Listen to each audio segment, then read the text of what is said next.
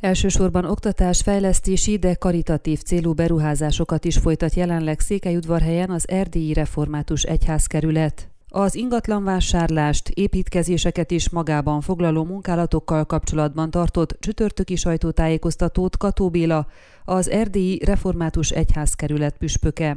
Székelyudvarhely iskolaváros, a Református Egyház mindig is támogatta az oktatást, ma sem tehet másként.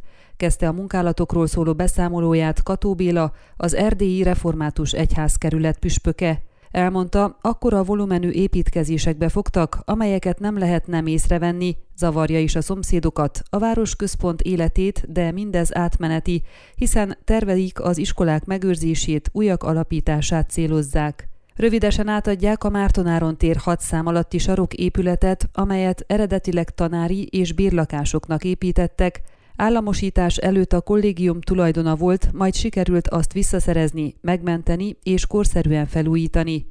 Így megmarad a város főterének egyik emblematikus épületeként, mondta a püspök. Korábban az önkormányzat öreg otthon szeretett volna ott létesíteni.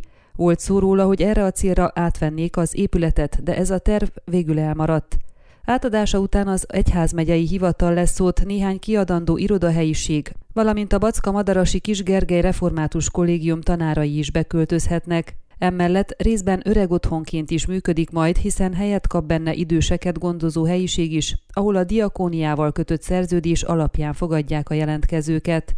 Mint egy két évvel ezelőtt a Romániai Magyar Nemlátók Egyesülete támogatási kérelemmel kereste meg a református egyházat, hogy iskolai tevékenységekre és felnőtt képzésre alkalmas helyiséggel segítse őket. Kató Béla elmondta, hogy megvásároltak az IKOSZ készruhagyár eladó ingatlanjaiból kettőt, ezek egyikében létesülhet egy központ, amelyben a továbbképzés történhet, illetve a másikban osztálytermeket tudnak kialakítani. A tervek megvannak erre, a kivitelezés van hátra, tette hozzá a püspök. Nagy léptékű munkálatok zajlanak a Backa Madarasi Kisgergely Református Kollégium épülete mögötti területen, több funkciós sportlétesítmény készül, továbbá új épület az elemi osztályoknak, óvoda, játszótér is helyet kapott. A Kossuth Lajos utca 29 szám alatti műemlékvédelmi övezetben lévő ingatlant az építkezések idejére elbontották, de visszaépítik.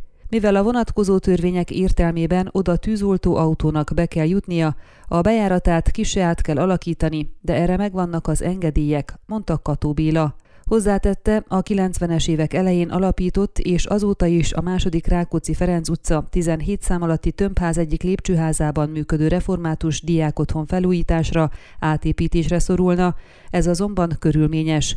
Úgy döntöttek, hogy ki kell váltani az épületet, helyette másikat vásárolni vagy építeni. Végül a vásárlás mellett döntöttek, és csütörtökön kötötték meg az adásvételi szerződést a Kossuth Lajos utcai Európa Hotel épületére. Ide költözik tehát a diák otthon, tudatta a püspök. A jelenleg zajló építkezések befejeztével az új ingatlanok között egy óvodaépület is helyet kap, a felmerült kérdésre, miszerint ez nem nehezíti-e meg a városközpont amúgy is zsúfolt autós forgalmát, a püspök elmondta, akik ide fognak járni, eddig is ide jártak, hiszen a Betlen Gábor utca 14 szám alatt működő, szintén a kollégiumhoz tartozó napsugár óvoda költözik át. Juhász Ábel, a református diákotthon vezetője elmondta, ami az általa vezetett intézmény diákjait illeti, ők is átköltöznek majd az új épület komplexumba, de ők eddig is gyalog jártak, ezután is így fognak idejönni, a csúcsforgalomhoz tehát ők nem tesznek hozzá semmit. Kató Béla arról is beszámolt, hogy a területen, ahol az építkezések zajlanak, egy 40-50 férőhelyes parkolót is kialakítanak, tehát inkább tehermentesítik majd a Kossuth Lajos utca és a város központ forgalmát, semmint terhelnék azt. Nem új intézményt építünk fel, csupán átrendeződés történik, fogalmazott a püspök.